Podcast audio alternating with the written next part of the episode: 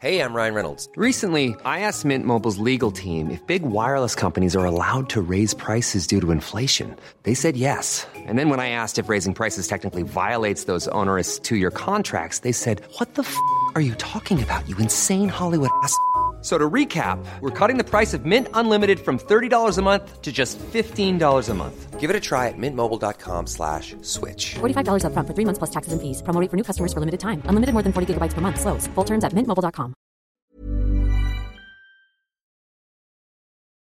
Den där... Den här bruden som du håller på med, eller nyfrälskare. Prata inte för mycket nu. Det här är en podd. Mm. Ja. Kan vi klippa tillbaka? Ja, jag får klippa i början Nöden har ingen lag. Inte. Välkomna till ett nytt avsnitt av podcasten Cyril och Stig i otakt med samtiden. Dagens gäst är hiphopmusikern, författaren och entreprenören Leo Carmona. Leo bildade år 2008 Sveriges första gangsterrapgrupp Kartellen inifrån fängelsebunken i Finland där han satt på livstidsfängelse för anstiftan till mord. Jag, Cyril Hellman, skrev den första artikeln om bandet och det blev över en natt samtalsämne på landets ledarsidor, Svenska Dagbladet och DN och även Sveriges Radio som drabbades av moralpanik får man väl säga. Fem år senare var det andra tongångar då bandet hade kommit in i värmen och nominerats till bland annat Grammy för skivan Ånger och kamp som fick över 20 miljoner streamingar på Spotify. År 2017 i samband med att Arlandarånet preskriberades erkände Leo att det var han som utförde och planerade rånet som än idag är Sveriges genom tiderna största rån med 44 miljoner som rånarna kom undan. Samma år släppte även jag och Leo boken Spelet är spelet som nu pitchas som tv-serie. I mars 2021 har Leo avtjänat hela sitt straff och är en fri man. Ja, idag sitter vi i, Leo Carmonas studio AAA här på i mina gamla barndomskvarter Rådmansgatan och du och jag har också bott här. Det utspelar sig i spelet i spelet. Absolut. Ren, Rensgatan bodde jag på. Ja, och det här är inte så långt ifrån.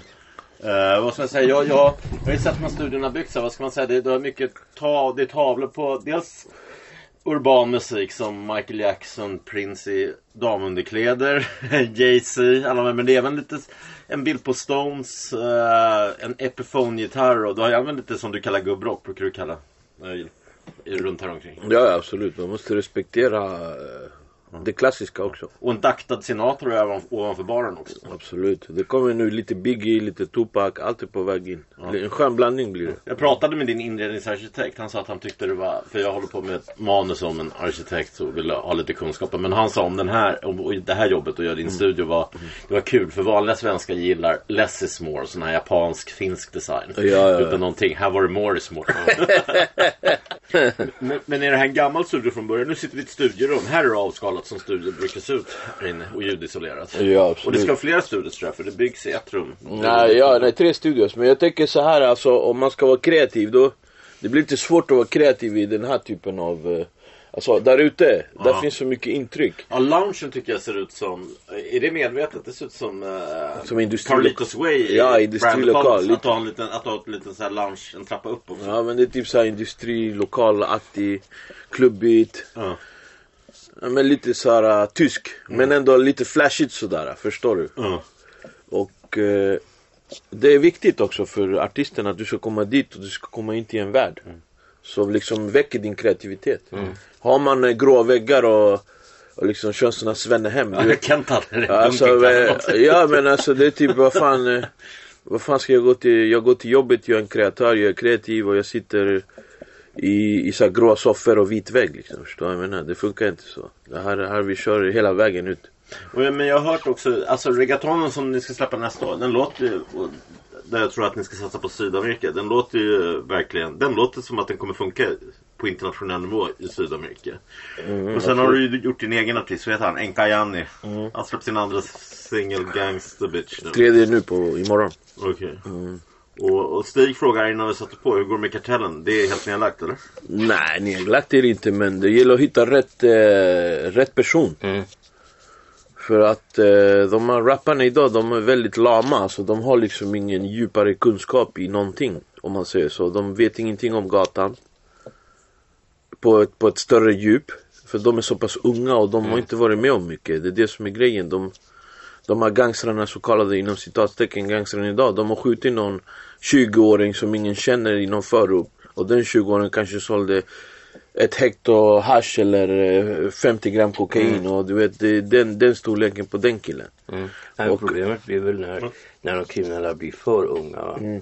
För att det krävs en viss pondus om nu ska liksom stå och Absolut, sjunga. Va? absolut. Och de här, de... eh, Vad ska de rappa om liksom? Ja, jag klippte den här obetydliga 20-åringen för, för att han, han, han var skyldig med ett halvt hägge liksom. Förstår du vad jag menar? Och du vet, vad vet de mer? De tror att de behöver bara klippa någon. De klipper någon och sen tror de att de är klara. De kallar det klara inom citatstecken. Och eh, klara på vad? För att bli klippt. Du? De tror att de kan eh, först eh, mörda folk och sen göra pengar på det där våldskapitalet. Ja. Men problemet är en, det är en inflation på våldskapital idag. Ja.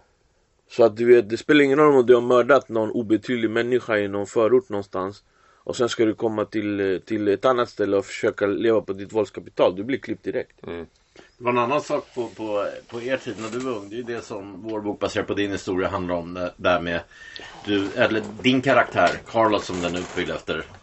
Och vi har lilla Jan som är uppbyggd, känns efter Janne Reinen. Eh, när han klippte Joxo på Solvalla känns ju det efter. Att där var, ni var väl de första unga som gjorde revolt mot en sån här stor gangsterbots. Som ändå Ja, ja, det- det regerade var- över hela stan, kanske hela Sverige. Jo, vi gjorde, vi gjorde en revolt och eh, nu när man tänker efter så så visst, han Joksovic han var ju smutsig och han gjorde sina smutsiga saker och så vidare men han hade i alla fall lite ordning. Det är som att säga Saddam. Varför tog vi bort Saddam? Alltså, alla ville få bort Saddam. Men sen när man tog bort Saddam, då blev det kaos. Mm. Och sen vi frågade, fan vi borde ha tagit bort Saddam- Saddam från Irak. För han höll ju ordning. Och okej, Saddam var smutsig men det var ändå ordning. Jo, men det blir ju kaos när, alltså som det ser ut nu med alla de här unga killarna som som eh, inte heller kan på något sätt skapa en, eh, som man kallar det för, en ordning. Va? Därför att det är för många och det är för mycket kaos. Ja, det är inflation alltså. Och då blir det helt enkelt för farligt även för tredje man. Men det, det Absolut. verkar också, också, alltså folk har också tappat Alltså Bob Dylan har, har ju en fras i- så, när han sjunger Nu börjar med den jävla gubbrocken. Ja, men lyssna på frasen innan, innan du Nej, dör. Ja, Hallå. Bob Dylan har en fras som heter To live outside the law you need to be honest. Att det finns ändå regler att hålla sig till. Normal. Och, och, eh, och, vissa spelregler som också kanske inte ens vanliga civila har. Men nu för tiden med de här unga, de här, de här för, om du tar de unga killarna till exempel. De här förnedringsvåldet och som en rappare som de eh, pissar på och, och rånar, eh, sparkar på folk som ligger och, och Ja men du vet, det var en rappare de hade kidnappat, stoppat i en bur och... Nej absolut men alltså om du Men det är inte ett svenskt Det är fenomen. sadistiskt som verkar Ja, ja, men, tappat eh, alla moraliska... Ja absolut men det är inte ett svenskt fenomen det här. Det här har ju hänt i USA för redan för länge sedan. Allt det här som händer nu hände i USA för 30 år sedan. På 90, slutet på 80-90-talet. Mm. Och så måste du tänka politiskt också. Vad var det för politisk agenda i USA när det här började? Jo, det, alltså, det är dit jag vill komma. Att det har det med vi och dom samhället att göra att folk är så avundsjuka på de som har det bättre. Det är inte avundsjuka. Det, det handlar inte om avundsjuka. Det handlar alltså om att eh, det finns ett behov. Det finns ett behov och eh, av människor är desperata. Du vet när de här moderaterna kom in i bilden, de, de drog ju av alltså nyliberalismen, inte moderaterna men nyliberalismen för den, den var ändå på väg in i Sverige. Men sossarna de drog den tillbaka så mycket de bara kunde. Men sen när, när han Reinfeldt fick makten då, då klippte de av allting. Det blev inte, det blev som en, som en chock för Sverige. För att eh, de här reformerna de gjorde de var för, eh, vad ska jag säga, de var för drastiska. Det, det, det gick för snabbt. De borde ha tagit det steg för steg. Men de hade väl bråttom. Chockdoktrin kallar de Ja, chockdoktrin. Ja, så de, de hade väl bråttom för att de tänkte okej, vi måste försöka göra den här förändringen så fort som möjligt så att liksom annars så att det inte går att ta tillbaka det. Nej, men när, när jag läste Spelet spelet så Det första som slog mig det var när, när du beskriver din alltså barndom och ungdom i skolan. Va? Och så jag jämför med när jag växte upp. Så alltså hur mycket hårdare det är idag. Att det idag i princip nästan inte finns något alternativ. Alltså om inte du själv kan skapa ett visst våldskapital så är du ute. va? Och det där är någonting som jag tror att de flesta har väldigt svårt att tänka sig in i den situationen. Alltså. Alltså då blir det ju så att dina alternativ, att till exempel plugga, vara duktig i skolan och så. Det innebär samtidigt att du i, i princip blir förföljd på skolgården. Och vad, vad gör du då för våld? Jag menar att människor är ganska rationella. Det finns ju galningar men de är ganska få. Eh, och när det rationella valet blir att du gör att du, att du tar en kriminell karriär och att den börjar jättetidigt. Kanske när du är 8-9 år. Det var det Bonnier sa när de, när de läste eh, första utkastet att det här det som är så fascinerande är att det är som, det är som en gymnasieskola, högskoleutbildning hur man, man börjar med tjuv och... Ja, ja Alltså, men du- du eh, absolut. Men den här utbildningen finns inte längre. Det är det som är grejen. Den utbildningen jag gick på gatan, den finns inte kvar. Alltså den är... Alltså huvud, huvudutbildningen det är alltså, det är bara att, att, att leva för dagen och beckna och liksom ta något från någon. Ja, Och, men var det inte så att i och med, alltså man tar 90-talet när man kunde göra världstransportrån. Uh, alltså då var ju det väldigt lukrativt. Så hittar man på sätt att hantera det. Färgade sedlar, vad fan jag nu vet. Jag kan inte riktigt det där. Sen var det uh, alltså värdedepå inbrott. va? Men alltså, när, när de som har kapital inser att här har vi ett problem. Då löser de det problemet. Och till slut så finns det bara sådana här smash and grab i guldbutiker. Nej alltså grejen är den här om jag ska vara ärlig mot dig. Det handlar inte om, eh, riktigt om det. det handlar, alltså, kriminaliteten över hela världen är organisk. Hela tiden så anpassar det sig efter, eh, efter marknaden, efter vad polisen eh, har för åtgärder och efter vad företag eller eh, länder och så har för, för säkerhet eller liksom metoder och, och, och, motarbeta kriminaliteten. Så att hade, det, hade jag varit med i den här gamla tiden och eh, det handlar, alltså kriminalitet handlar om ett race, om race. Du hoppar på ett race. Hoppar du på rätt race, då kan du bli rik. Nu är det IT kanske? Ja. Alltså racet nu, det är internet, eh, internetbrottslighet. Och eh, om du verkligen flitig och ger dig in i det här racet ordentligt, då kan du bli rik. Så det vet jag för jag har sett människor som håller på och gör pengar alltså dagligen på sådana saker. Och inte allt som har med internet och, och, och så, så Spotify, allt, allt sådana grejer. Det finns helt nya race hela tiden. Men det skiljer sig ju ganska dramatiskt ifrån att ta sig in i en värdedepå. Alltså här är det då Jo. teknik och här är det Nej snarare men, att du- eh, men, eh, men det är ändå Dagens kriminella, de är ju 14-15 år. De har ju växt upp med en dator. Men ändå så väljer de att gå och stå i centrum och beckna hash som, är, som de inte får några marginaler på. Förstår du vad jag menar? Så det handlar om att ungdomarna i orten nu, de här som, som liksom är på riskzonen till att bli kriminella, de, de engagerar sig inte tillräckligt för att göra de här pengarna. Så de sitter och äter tramadol och typ väntar att pengarna ska komma till dem och de vill inte liksom engagera sig eller lägga ner energi. inte, alltså det finns ingen grej. Och det här, när vi tog, tog upp det med Micke så blev han ganska upprörd. För jag menar, det Vår finns, kompis Micke Gerhardsson som vi ställde in. alltså, det finns en aspekt som man hela tiden glömmer. Och det är tjejerna. Alltså det är ju självklart att våldskapital ger sexuell attraktionskraft. Ja det gör ju det. Och eh, jag menar, det, är ju ingen sexuell attraktionskraft att hålla på med en dator och pilla med nollor och ettor och få pengar va? Jo, alltså det är våld och pengar. Ja men här är det liksom inget våld, förstår du? Med datorer. Nej men de som brukar våld gör inga pengar idag. Nej jag vet. Men alltså varför brukar de våld? Jo det har ju det att göra med sex va? Alltså du vill ha... Jo men alltså... Alltså här har vi två heterosexuella män som, som skrattar som om inte det fanns tjejer. Alltså, Ja, jag förstår vad du vill komma men det där är en sån där undermedveten... Eh, jag det är skulle... inte så att du tänker nu ska jag göra så och så. Nej nej men vi tänker så här, ja, absolut jag köper det du säger. Alltså du vet när, när jag var ung, det enda jag ville ha det var pengar och brudar. Bitches and money, du vet mm. NWA, han eh, Ice Cube, han var life ain't nothing but bitches and money. Nej men plus att... Och jag levde under det där mottot Nej faktiskt. men plus, plus, att, plus att också det finns, alltså jag träffar och har träffat tjejer som typ så handelstjejer och som dras till, de dras till dels kanske makt snarare politiska och företagsledare men också till just sådana här datorshacker och sånt. De inte, och geekar för att de, de dras till deras intelligens också. Ja, men alltså det finns, det finns en sorts motsättning där va. Därför Ja, att- sen i, i, I slutändan så vill de Nej men det, men det har du rätt i för att de här nördarna, datorerna, de lever ingen, de lever ingen rockstjärneliv. Det är vi som lever rockstjärneliv. Vi som är gangstrar och är ute och jobb, de har pengarna och tar de här stora riskerna. Ja, och är på krogen, Stureplan och åker snabba bilar. Det är ro- ro- rockstjärneliv och det är vi som får de här. Ja men alltså själva, själva begreppet mod va.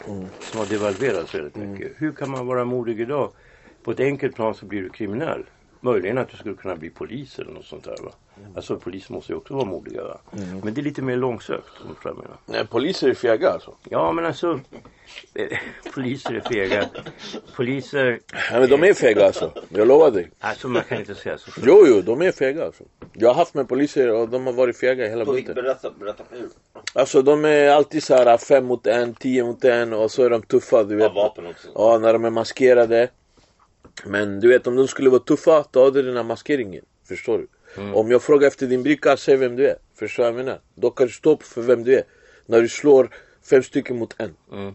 Jo, jo, Och alltså, sen när de gör såna här, äh, vad heter det, såna här äh, insats, insatser när de kommer in. Alltså deras vapen, de, de, alltså, de darrar alltså. ja, jag har inte sett det. Nej, men det kan jag garantera dig att de gör.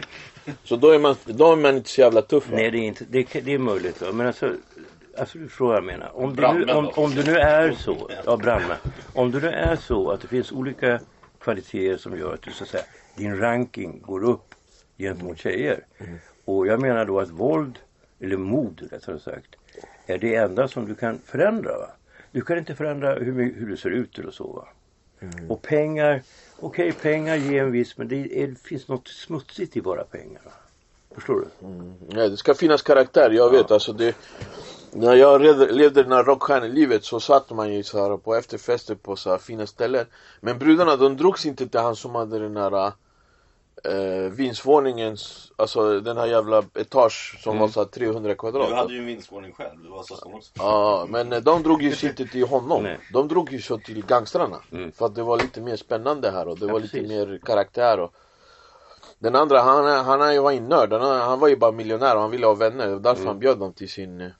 Mm. Ja, visst, och jag menar, då kommer man till den politiska frågan. Vad fan gör man då?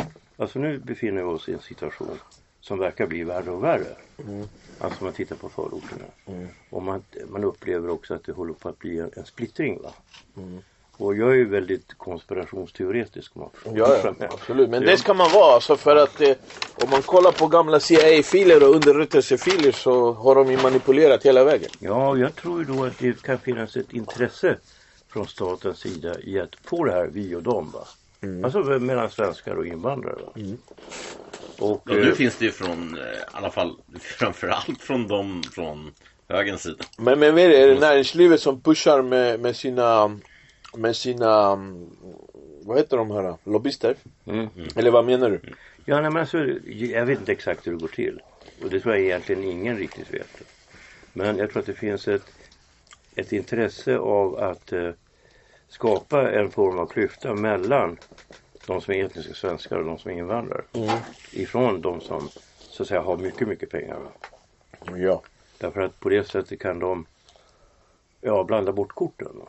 Ja, vi har ju också ett, men sen har vi också ett intresse från från nyliberalerna när de sa, när Fredrik Reinfeldt sa öppna dina hjärtan och ta in hur mycket som helst. Det är ju, det är ju att ha den här extremt billiga som vi nu har fått. De här som cyklar med matbud. Ja, ja men det där, det där fatt, ja, ja men det där fattar jag direkt. Jag bara skrattade åt det där. Det, var, det fanns inget hjärta i det där. Det där handlar bara om att få hit slavar.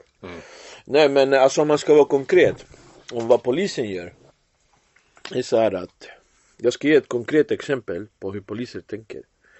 Alltså jag har ingenting emot poliser sådär. Det är inte som förut. Det är, det är ingen fuck aina. Jag springer inte runt och säger fuck aina och gör i mina videos grejer. Det, det handlar inte om det. Jag är bara saklig och rak här. Och eh, det fanns en vän till mig, han hyrde ut en fastighet. Han hyrde ut en, en, eh, två lägenheter på Södermalm. Och han äger fastigheter. Han hyrde ut två lägenheter och det var till en ungdomsorganisation som håller på med, med ortenungar. Och sen hade han en privat. Till den personen som hade hand om organisationen. Så den personen som hade organisationen gjorde misstaget att blanda in sina bröder, hon var somalier. Och somalierna var från västerort och det var gängstämpel på dem. Så polisen satte, satte span på, på själva stället. Och jag var där och hjälpte den här ungdomsorganisationen så de fotade ju filmade mig också. Mm. Och eh, de här gäng, eh, folket börjar hänga där och de är inte rumsrena liksom. De, de håller på och fladdrar och springer och gapar och jiddrar där i krogarna runt omkring och så. Så en dag kommer polisen till eh, min vän då och bara sätter honom mot väggen och säger bara lyssna, varför hämtar hit de här jävla somalierna hit till Södermalm? Vad gör de här? Han var nej, de, eh, de, eh, det här är en ungdomsorganisation och liksom jag hyrde ut i god tro till den här ungdomsorganisationen och nu har det bara tyvärr blivit så här att eh, de här människorna hänger här, jag, jag liksom, det, det har inte varit min mening. Han bara lyssna, ta bort de här som, jävla somalierna härifrån och vi skiter i vad fan de gör där ute. De får mörda varandra hur mycket de vill där ute. Men vi vill inte ha dem på Söder. Rakt. Bara rakt. S- Av bara sa de så till min vän. Och min vän, han, eh, han, eh, han är där, han sitter där. Och min vän, kan du fråga han efteråt. Och min vän sa bara nej nej alltså jag vill inte störa, jag vill inte ha några problem med polisen men det blev bara som det blev och jag garanterar er, ni kommer aldrig mer se dem där. Jo men det här skrev som, man kan väl säga att Johan Akelius är någon form av eh, li, eh, liberal som slår åt alla håll. Liksom. Att han, att han, eh, han skrev en rolig krönika i helgen i Expressen. Han menar att det mesta gated community vi har det är kring Mariatorget på Söder. Den här PK-vänstern har byggt sitt eget gated Ja, community där kan man säga.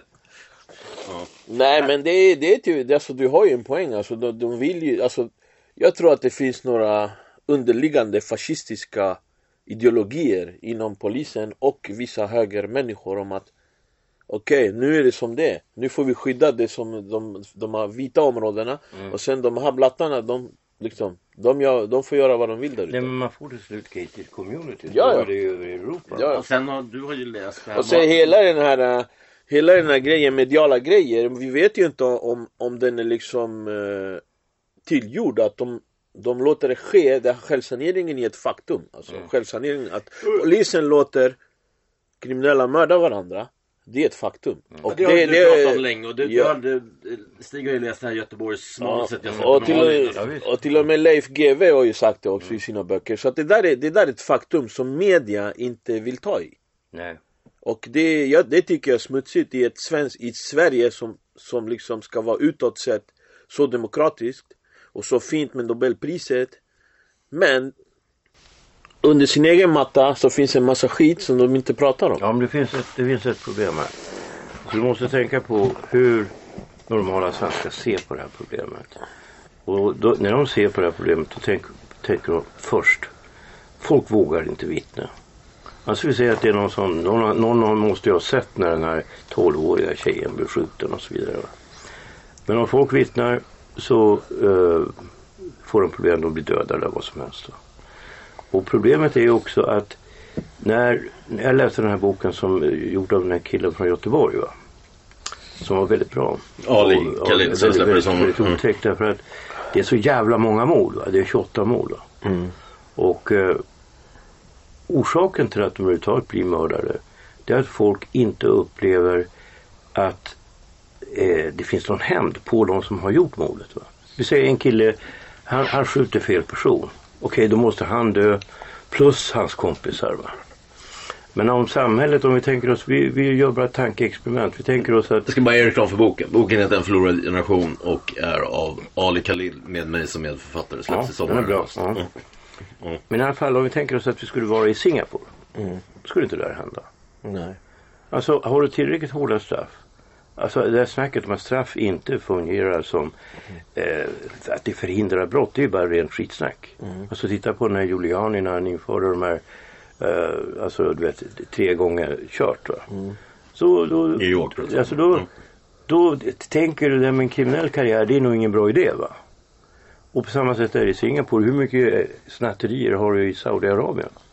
Så att hela den här grejen, alltså man kan inte vara naiv. Man måste inse att att när majoriteten av befolkningen helt enkelt blir less på de här kriminella som skjuter varandra. Och som också säkert tycker att ja, men det är bara bra att de sanerar det här. Va? Ja. Därför att själva goodwillen som tidigare fanns för de kriminella den håller på att ebba ur. Hey, it's Ryan Reynolds, and I'm here with Keith, co star of my upcoming film, If, only in theaters, May 17th. Do you want to tell people the big news?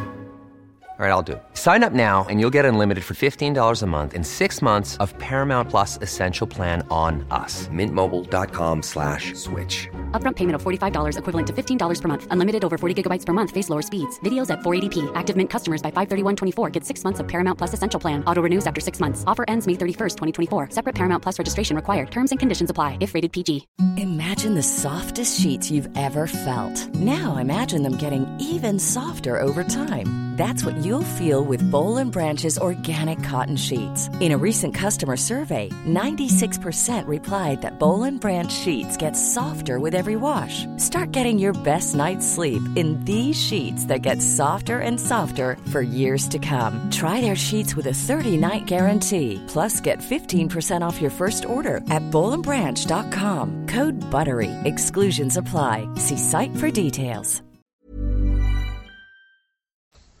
Alltså när människor upplever att okej, vi kan också bli drabbade. Då får du, och det har inte att göra med liksom rätt och fel va. Utan det är rent pragmatiskt. Till slut så kommer eh, befolkningen att rösta på någon som helt enkelt kommer att skapa ännu hårdare regler. För att påstå att de hårda reglerna inte funkar, det är en ren lögn. Alltså jag träffar den här Maciej Zaremba. Men det är det som är konspirationen då. Nej, men Att alltså, de låter det hända och låter det ske tills det kommer till den stunden att de ska lägga de här hårda reglerna. För att varför skulle de låta självsanering ske?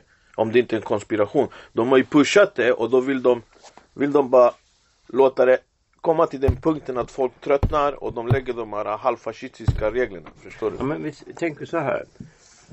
Jag tror inte det är så enkelt. Utan jag tror att det är så här. Först så får du, jag var ju själv engagerad i vänster. Jag var med i Vietnamrörelsen. Och mm. När jag var ung, när jag var 15 år. Vänstern kommer på 60-talet, 70-talet. Och de här människorna, de är inte arbetare, de är inte fattiga någonstans. Det är studenter, det är liksom människor som... Och sen så slutar de vara engagerade i något politiskt parti. Men de har fortfarande kvar vissa åsikter att de ska vara goda. Och det, det är väldigt viktigt för dem. Att de framstår som en, en god och schysst person. I, när det gäller deras åsikter. Va? De här människorna, det är de som tänker lite bättre än, än Svensson. Så de får makt, de blir politiker, journalister, bla bla bla. Och de för med sig tanken då att det här med man ska inte ha aga i skolan. Man ska inte ha hårda straff. Och sen så fortsätter samhället utvecklas. Det går 50 år och till slut så har du fått ett resultat där, där människor, alltså där förorterna eh, kan man säga eroderas. De, de spricker. Va? Och du har inte längre kontroll. Eh, polisen kan inte åka ut. När ambulanser kommer så kan de inte hämta de sjuka. För de kastar sten. Men det är ett globalt problem. Det, alltså, det handlar inte bara, alltså när du säger att du ska ge dem straff, då, då sparkar du på de som ligger längst ner. ja, men, När vi fortfarande har ett näringsliv och, och, och människor som blir bara rikare och rikare och det här, det, Sve- Sverige det är ett, ett paradis för miljardärer. Jag vet. Så att du vet, det är lite fel att bara, du, du, du måste ändå sparka uppåt också och kolla uppåt. Du kan inte bara trycka ner de Ja, som alltså, sitter du, längst du ner. måste förstå att du? jag, att jag är, jag är liksom höger-vänster. Nej alltså det spelar ingen roll vad, vad du är ifrån alltså. Det, det handlar inte om det. Det handlar också, du måste också kolla på den svenska historien. Hur ni betedde er under andra världskriget. Ja. Ja alltså, Och så att ni har blivit tvungna att ta emot flyktingar år och ut och år in på grund av att sossarna känner sig tvungna till att ta emot flyktingar. Nej, det handlar- det handlar om att vi behövde arbetskraft. Nej, det handlar inte om det. Ja, det handlar också om att ni, ni, ni var neutrala och ni lät saker ske. Och ni byggde upp Sverige, det här landet Sverige, ni byggde upp den när allt annat var bombat. Ja, Marshallplanen, Marshallpengarna, ni, byggde, ni fick Marshallpengarna och byggde upp era ingenjörer, er industri när ni byggde, när ni byggde upp Ja, Europa. alltså, Med USA, ja. Och då behövde ni arbetskraft. och ni fick ta in också invandrare för att ni var så, kall- så kallade neutrala inom citattecken. Så det här är ett problem också som är långt bak. Ja visst, men man kan säga så här. Ja, å andra sidan kan vi säga att problemen, det måste man ändå ta med vissa grupper. Att latinamerikaner till exempel, de, de skapade inte problem som till exempel från klansamhällen i Somalia kommer att göra. Nej men det, handlar, men det handlar om det här bro. Alltså om de kör en doktrin, alltså sossarna körde en doktrin. Sossarna in, innerst inne, alltså det är inte att släppa in bara en massa invandrare. De bara indoktrinerade folket att vi är så solidariska, vi ska ta in invandrare, vi ska vara snälla mot alla, bla bla. Men det var för att de var neutrala under andra jag världskriget. så här, redan på 30-talet. Schweiz det kom, alltså det kom en bok på 30-talet av Jan Myrdals föräldrar, Mm. Gunnar och Alva Myrdal, som hette Kris i befolkningsfrågan. Mm. Jag tror den kom 37. Och eh, där handlar det om att man visste att Sverige skulle industrialiseras. Man visste ju inte om andra världskriget. Mm. Och då var, hade Sverige för liten befolkning. Det var därför man fick barnbidrag. Mm. Och orsaken var rasbiologisk. Alltså man ville inte... Vet, de var rasade, de ville inte blanda. Ja, de vet. vill inte blanda in.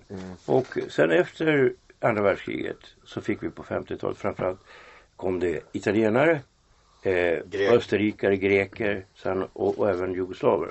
Ja. Och de integrerades ju ganska bra. Det blev liksom ingen större kriminalitet på Kungsholmen. Nej.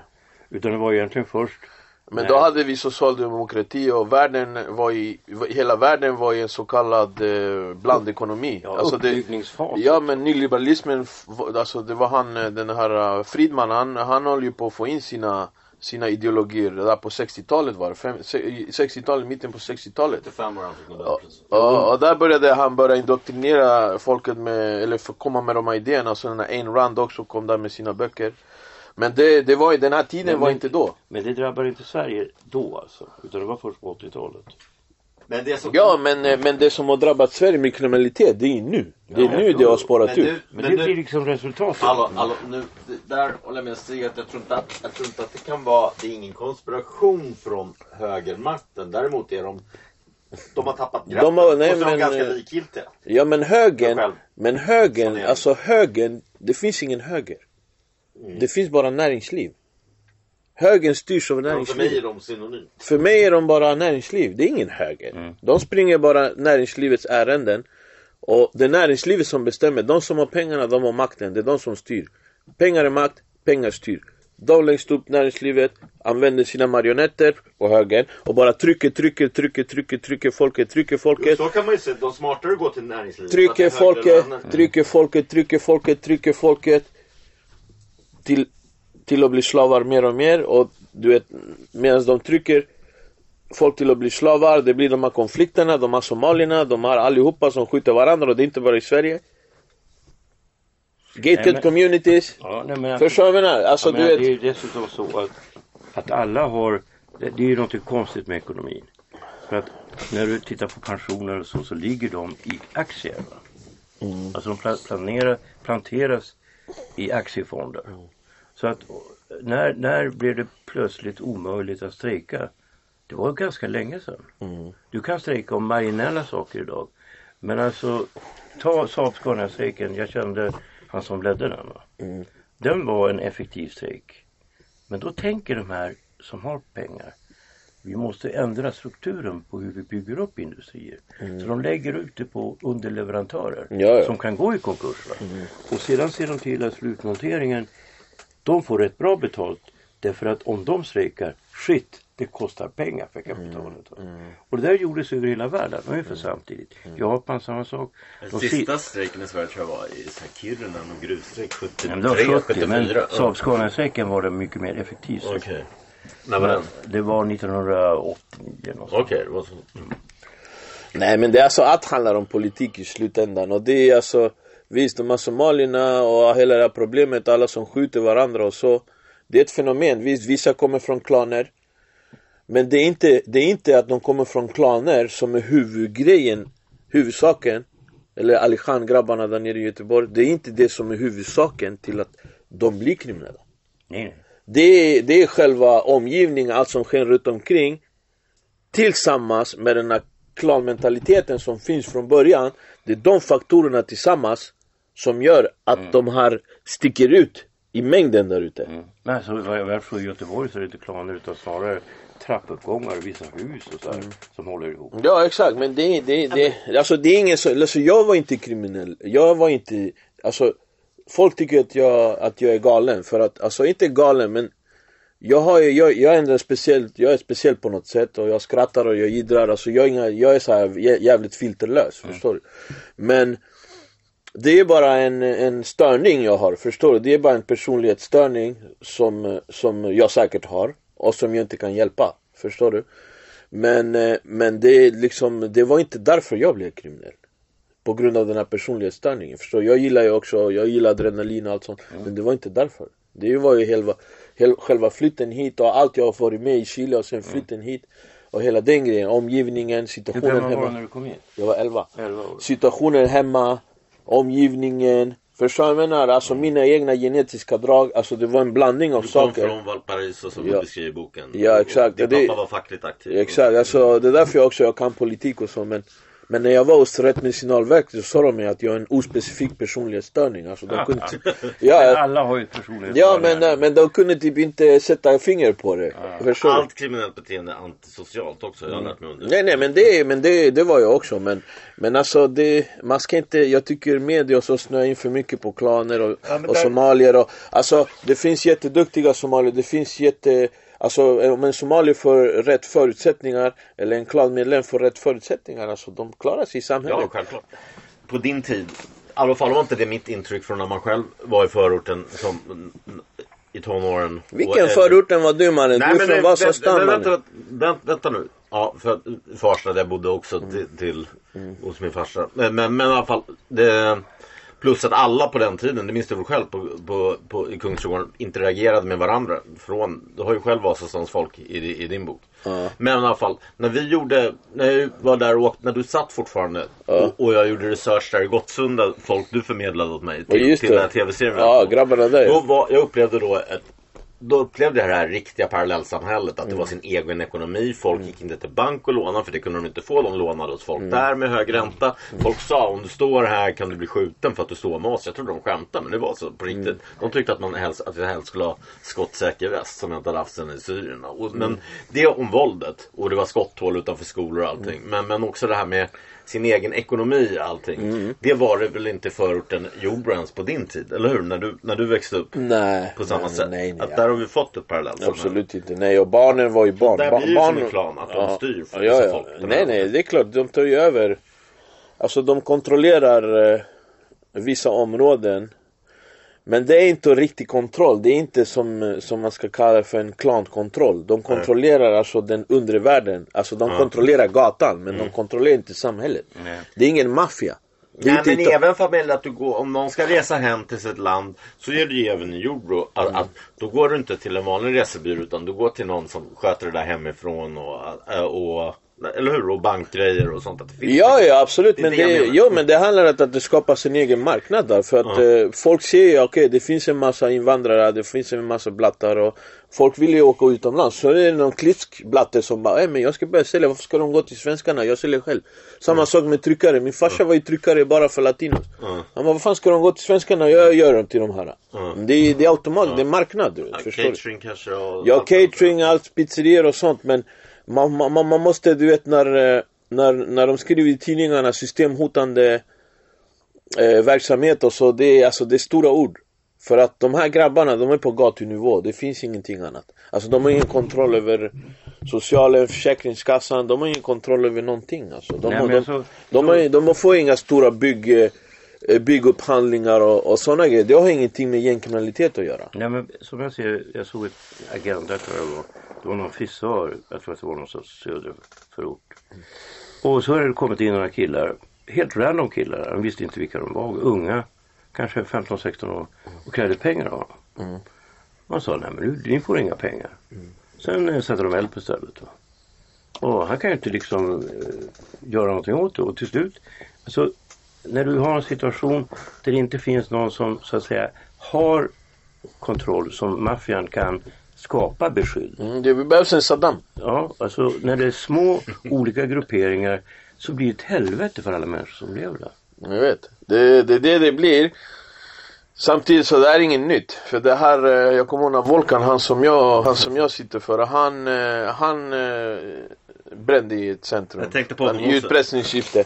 Så det, det är en, ja exakt, det är en vanlig maffiametod. Men det som är, det som är, det som är liksom, det, det som har liksom har spårat ut nu. det Ja. Det som har spårat ut nu det är alltså att det finns ingen eh, eh, riktig ledarskap.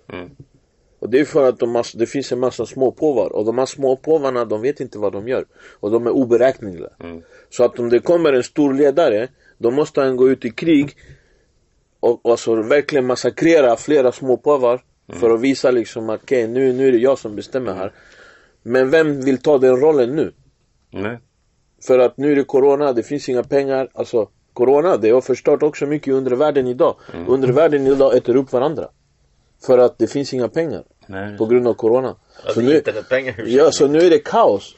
Ja men vem jobbar på Ja, internet? vi ser man aktiemarknaden Så nu- till exempel, så- är det IT-bolag som går bäst. Så det är som en recession nu på gatan. Så nu finns ingen, nu äter alla upp varandra och det finns ingen riktigt stark ledare heller. Men jag tror att efter att, eh, att recessionen är över, alltså att när, när, folk när det börjar komma igång igen på gatan så tror jag att det kommer bli lite Lite bättre ledarskap i alla fall. Det är den bilden jag har. Men det behövs en Det låter kanske lite antisocialt men det är ett problem och kriminalitet kommer alltid finnas. Och det är ingen som kommer kunna ta bort kriminalitet. Så att tydlig ledarskap alltså. Det är därför ibland jag säger det var dumt. Det var dumt att vi klippte den här Dragan Joksovic. Alltså Jugoslavierna egentligen borde ha fått regera även fast de var lite si och så. Men de hade ändå kontroll. Och nu efter när vi kom in i bilden, vi försvann ju allihopa. Annars hade vi haft kontroll. Du sa att, att, att, du har sagt till mig tror jag eh, att det var skrev, det står, och det står mellan raderna i boken. Mm. Det, att ni vågade göra revolta mot Juksovic. Det hade väl också att ni kom från hårdare samhälle än Juggan. Att ni kom Precis. från favelor och sådär. Precis, precis. Hur, hur man agerade i dem. Ja, ja. Som man nu börjar göra i Sverige kanske. Ja, nej men det är det här ledarskapet. Sen vi försvann ju. Alltså polisen egentligen, de borde ha behållit oss ute. Men de gjorde en fuling och tog in mig. Och de tog in alla oss. Men jag var, jag var min ideologi var antipolis, är anti, anti-samhälle, anti-golare och allting. Och jag var för högljudd om det. Så därför de tog bort mig också. För jag var inte, Du menar att det fanns en sån aspekt? ja ja, jag var inte nyttig mot dem. Ja, hur ser du på hela den Men juggarna var i samarbetsvilliga med polisen och liksom de hade en dialog och en, en, liksom en relation, förstår Ja, jag, skrev ett, jag skrev ett filmmanus stan. Som bygger då på att, eh, alltså det, det handlar om en kille som, som, som har gjort en, en dum grej. Alltså det tog mig lång tid, folk berättar ju inte saker va. Till slut fick jag veta, okej vad är det som kan göra att en person blir dödsdömd? Jo, på den tiden kunde man ju ta, gå in i, i bankboxar va. Och man sprängde dem. Men Ja, bara en kunde ta sig in för det var för smalt. Och då kunde du i och för sig stoppa upp grejer va. Du kunde sno pengar. Ja, ja, ja. Men om du snor för mycket eh, två gånger, då är du out. Och han hade gjort det. Va?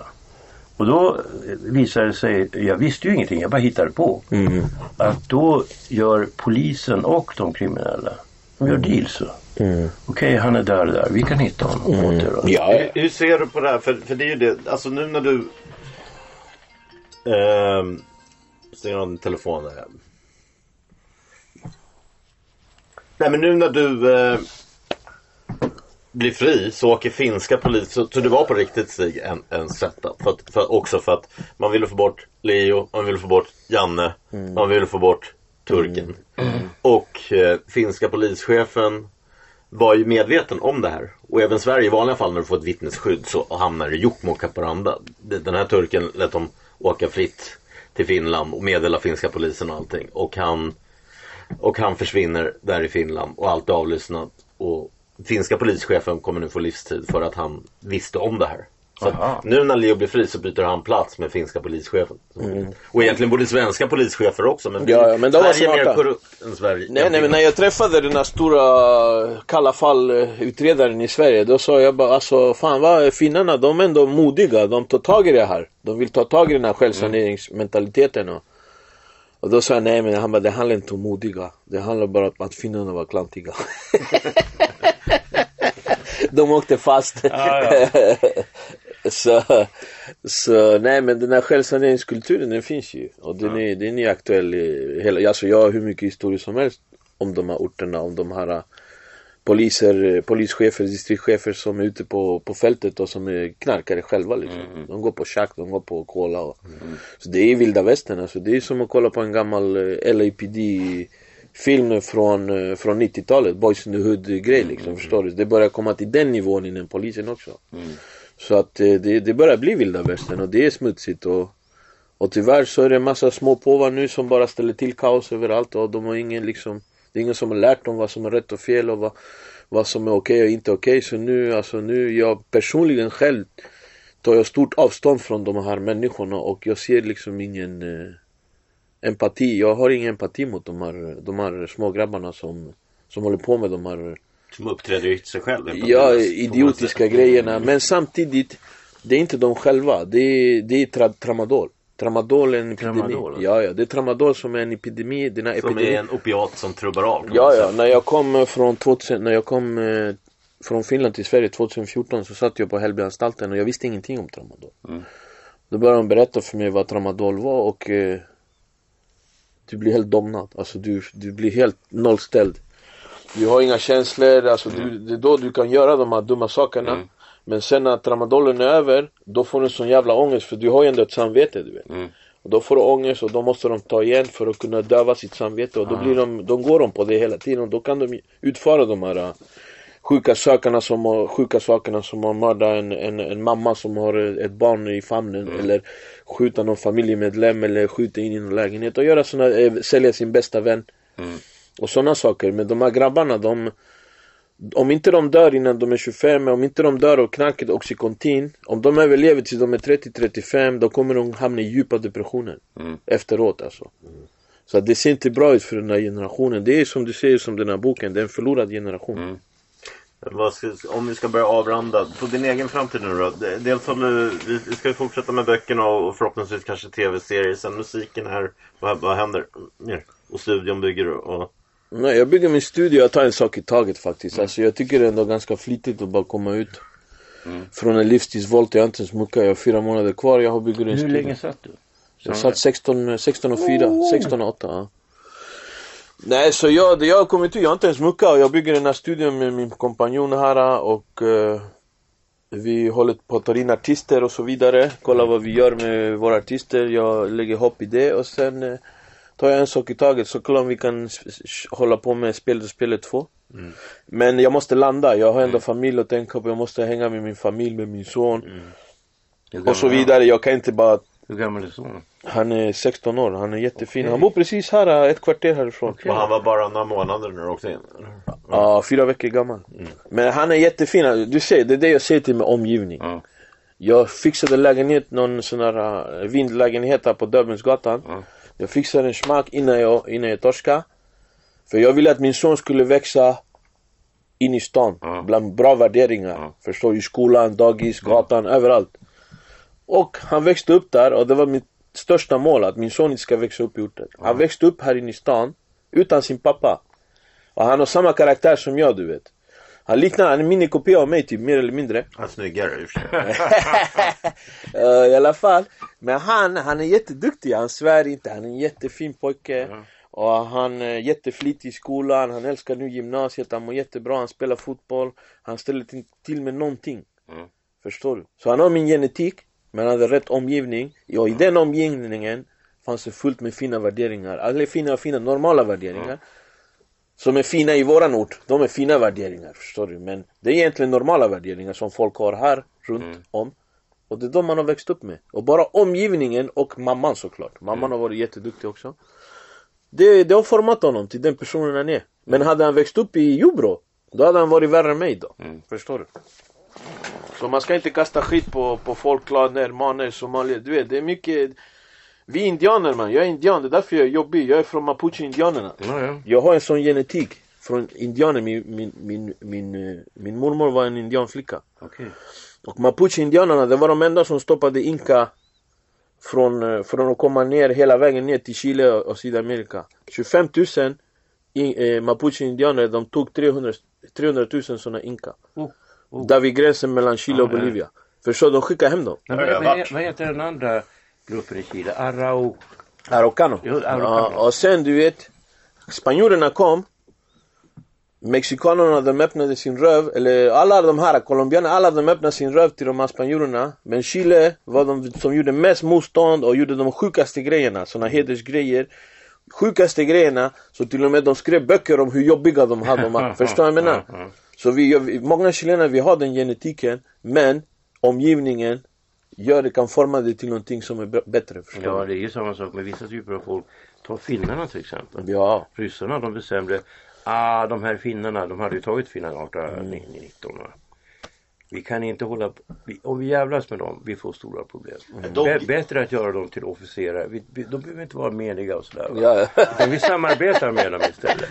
de- Så att finnarna vann på att förlora Sverige va, och gå över till Ryssland. Ja. Många chilenare de har den här äh, indiantänkandet och vi var de jobbigaste indianerna i hela Latinamerika. Du kan fatta det. Så det är genetik. Ja, ja. Förstår du? Jo, genetik har en viss betydelse.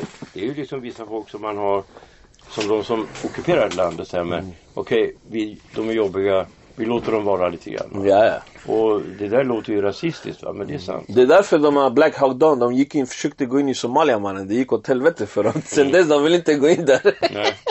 Somalia de, de fuckar dem alltså helt. Ja, men det är samma sak om du tar hela Kaukasus. Ja. Tjetjenerna, vet du hur många tjetjener det finns?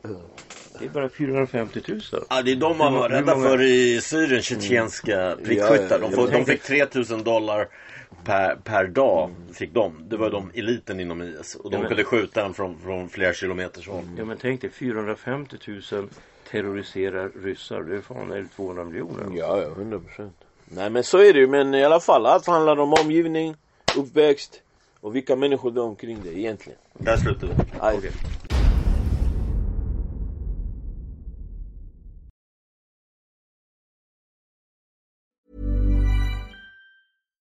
Hi, I'm Daniel, founder of Pretty Litter. Cats and cat owners deserve better than any old fashioned litter. That's why I teamed up with scientists and veterinarians to create Pretty Litter. Its innovative crystal formula has superior odor control and weighs up to 80% less than clay litter. Pretty Litter even monitors health by changing colors to help detect early signs of potential illness. It's the world's smartest kitty litter. Go to prettylitter.com and use code ACAST for 20% off your first order and a free cat toy. Terms and conditions apply. See site for details. Even when we're on a budget, we still deserve nice things. Quince is a place to scoop up stunning high-end goods for 50 to 80% less than similar brands. They have buttery soft cashmere sweaters starting at $50, luxurious Italian leather bags, and so much more. Plus, Quince only works with factories that use safe, ethical, and responsible manufacturing. Get the high-end goods you'll love without the high price tag with Quince. Go to quince.com slash style for free shipping and 365 day returns.